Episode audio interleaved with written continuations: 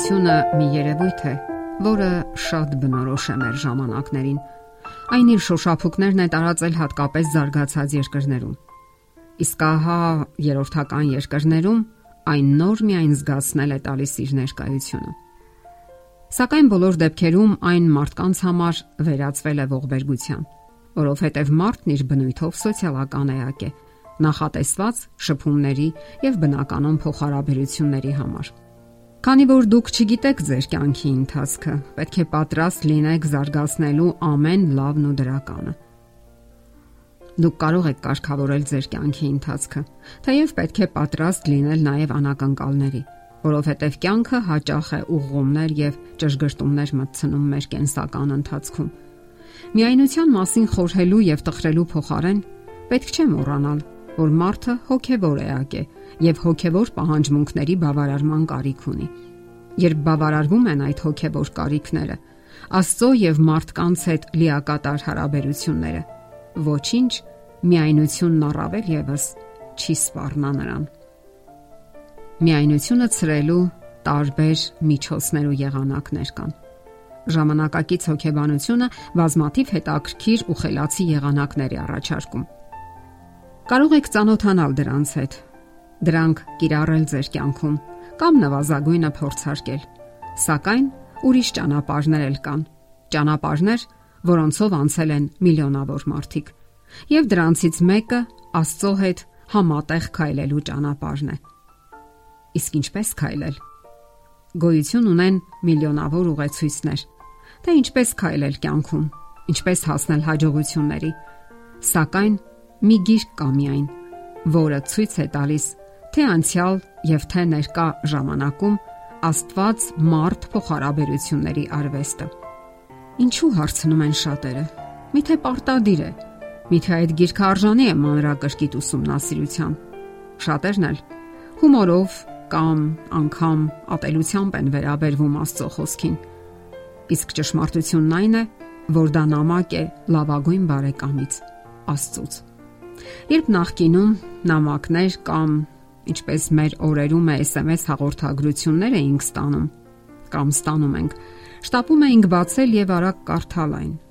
Իսկ մարդկանց ուղված Աստվածային այդ նամակը իր մեջ ուժ ունի հրաշքներ գործելու եւ վերափոխելու մարդու կյանքը։ Ազատագրելու միայնությունից, ապրելու, գործելու նոր հույս ու լիցքեր հաղորդելու։ Եկեք լրջորեն ընդունենք այն, ինչ ասում է Աստված այդ գրքում։ Եկեք որոնենք նրա հետ փոխհարաբերությունները, նրա հետ բարեկամությունը։ Ձեզ սովորաբար ասում են, թե Աստված վերևներում է եւ ժամանակ չունի ամեն մեկով զբաղվելու համար։ Կամ նա սпасում է ձեր զոհաբերություններին եւ ընծաներին, կամ որ նրա հետ շփվելու եւ նրա բարեհաճությանն արժանանալու համար առանձնահատուկ մարդիկ կամ միջնորդներ են հարկավոր։ Դա այդպես չէ։ Աստված անվանապես գիտի յուրաքանչյուրիս։ Նա ստեղծել է մեզ եւ գիտի մեր կյանքը ամենայն մանրամասներով։ Նրան հայտնի են մեր յուրաքանչյուր քայլն ու միտքը։ Սակայն մենք ենք կատարում մեր ընտրությունը։ Ընտրելու կամ մերժելու նրա բարեկամությունը։ Ձերկ բերելու թե նրա, թե բազմաթիվ մեզ նման մտածող անznավորությունների բարեկամությունը։ Մենք դառնում ենք մարդկային ընկերակցության մի փոքրիկ մասնիկը։ Ընկերակցություն, որն անկատար կլիներ առանց ձեզ։ Ոչ մեկի ներկայությունը պատահականություն չէ այս երկրի վրա։ Սա կյանքի կարևոր դասերից մեկն է։ Դուք առանձնահատուկ անznավորություն եք։ Այս ճշմարտությունը փորձեք ընկալել։ Փորձեք գտնել ձեր ներկայության կարևորությունը,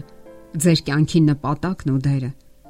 մի հետևեք համընդհանուր տարածված, սակայն ըստ էության իրենից ոչինչ չներկայացնող գաղափարի։ Մի հետևեք ամբողին, པարզունակ մտածողությամբ ու գաղափարներով։ Ամբողն էր, որ խաչեց Հիսուս Քրիստոսին, որովհետև նա այնպիսի գաղափարներ էր քարոզում, որոնք ընդունելի չէին իր համար, որովհետև նա եկել էր, որ ճշմարիտ ազատություն ապարգևի մարդկանց Նա ազատության ու արխայության ավետարանն էր քարոզում։ Սակայն չընդունեցին նրան։ Քչերը հետևեցին Հիսուսին, ընդունեցին նրան եւ նահատակվեցին հանուն նրա եւ նրա քարոզած գաղափարների։ Այսօր էլ նույն իրավիճակն է։ Ոչինչ չի փոխվել հազարամյակների ընթացքում։ Մարդը նույնն է մնացել, սակայն չեն փոխվել հավերժական արժեքները։ Մարդը կարիք ունի սիրո։ Կարիք ունի, որ սիրեն իրեն։ Եվ ուշագրավ է, որ միայնության դեմ պայքարող մարդիկ ավելի հաճախ չեն սիրում իրենց։ Սակայն հարկավոր է կարողանալ սիրել ոչ միայն ուրիշներին, այլ հենց իրեն։ Հարկավոր է հասկանալ սեփական մարմնի կարիքներն ու պահանջմունքները։ Բավարարել դրանք Յուրաքանչյուր պահանջմունք կարիք ունի բավարարման։ Դրանցից առաջինը, ինչպես ասացինք, սիրո պահանջմունքն է։ Մենք բոլորս ցանկանում ենք, որ մեզ սիրեն, որ հասկանան մեզ եւ ընդունեն մեր մարդկային կերպը։ Պետք չէ ամաչել բարձրաձայնել, թե ինչ ենք ցանկանում, ինչի կարիք ունենք, ինչի հույս եւ պարզապես ինչ երազանքներ ունենք։ Արդյոք երազանքներ ունենալը ամոթ է։ Իսկ միգուցե հենց երազանքներ չունենալն է ամոթ։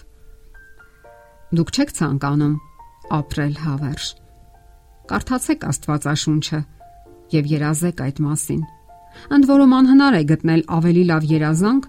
քան հավերժ ապրելն է։ Եվ կա մեկը, ով երազում է մահանալու մասին։ Հազիվ թե։ Իսկ հավերժության մեջ իմացեք, Դուք տեսնելու եք ձեզ նման միլիոնավոր մարդկանց, ովքեր եկել են դժվարություններից ու տառապանքներից, իսկ շատերն էլ հենց միայնությունից, երբ իրենց չեն ընդունել այս աշխարհում։ Աշխարհ, որտեղ ժամանակավոր է ամեն ինչ, նույնիսկ միայնությունը։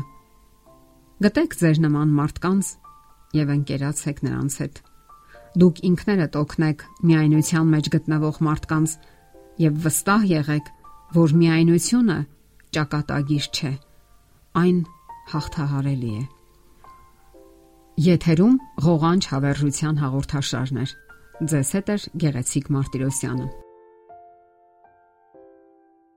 Հարցերի եւ առաջարկությունների դեպքում զանգահարեք 094 08 2093 հեռախոսահամարով։ Հետևեք մեզ hopmedia.am հասցեով։